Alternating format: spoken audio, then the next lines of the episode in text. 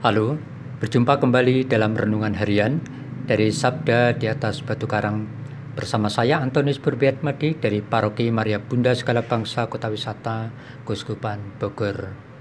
Saudara-saudari yang terkasih, hari ini Selasa tanggal 28 September adalah hari biasa pekan ke-26 dan hari ini gereja memperingati Santo Wenceslaus Raja Bohemia seorang martir dan juga memperingati Santa Eustaquia dan Santo Laurentius Ruiz, para pengaku iman.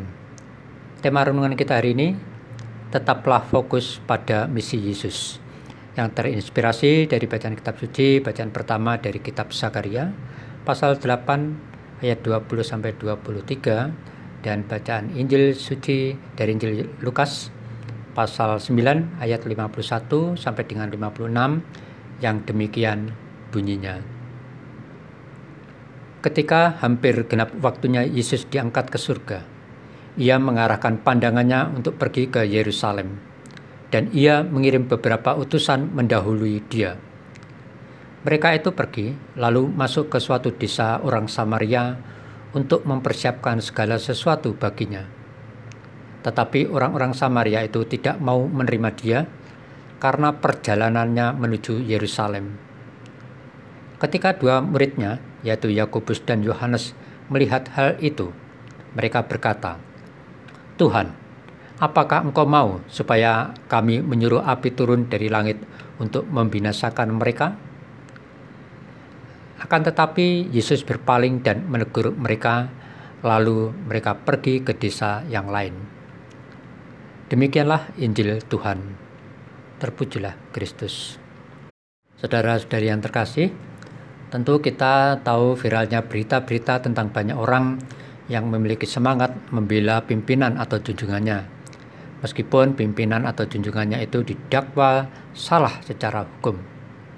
Bahkan mereka tak segan-segannya bersumpah berani mati demi sang junjungannya. Saudara-saudari yang terkasih, dalam bacaan Injil pada hari ini dikisahkan tentang ketersinggungan hati dan kemarahan Yakobus dan Yohanes terhadap orang Samaria yang menolak memberi bantuan untuk keperluan Yesus. Karena orang Samaria itu tahu bahwa Yesus dan para muridnya hendak menuju ke Yerusalem. Kita tahu bahwa orang Samaria dan orang Yahudi itu saling berdendam hati dan saling membenci. Orang Yahudi menganggap orang Samaria itu orang kafir, sebab mereka bukan orang Yahudi tulen. Dan orang Samaria menolak bahwa Kenisah di Yerusalem adalah satu-satunya tempat ibadat yang suci dan resmi bagi orang Yahudi. Karena orang Samaria menganggap pusat ibadat ada di atas gunung Garizim. Bagi Yakobus dan Yohanes, sikap penolakan dari orang Samaria itu dianggapnya sebagai penghinaan terhadap Yesus.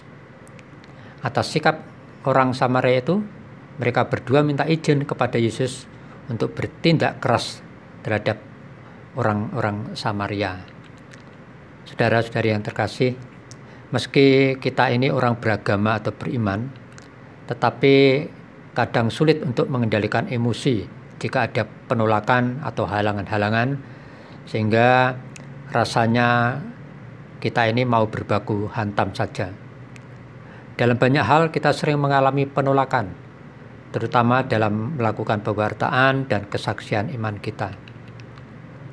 Semoga dari kisah Injil pada hari ini, kita bisa belajar dari Yesus tentang cara menyikapi sesuatu, bahwa dari setiap penolakan terhadap pewartaan kasih atau kesaksian iman, hendaknya kita sikapi dengan rendah hati, tidak emosi.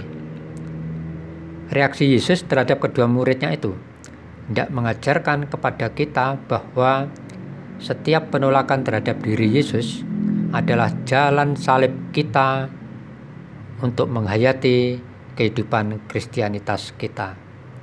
Untuk itu, sebagai orang beriman, kita diajak untuk tetap fokus pada misi Yesus, yakni keselamatan lewat jalan salib sucinya, meskipun ada banyak tantangan, halangan, dan penolakan.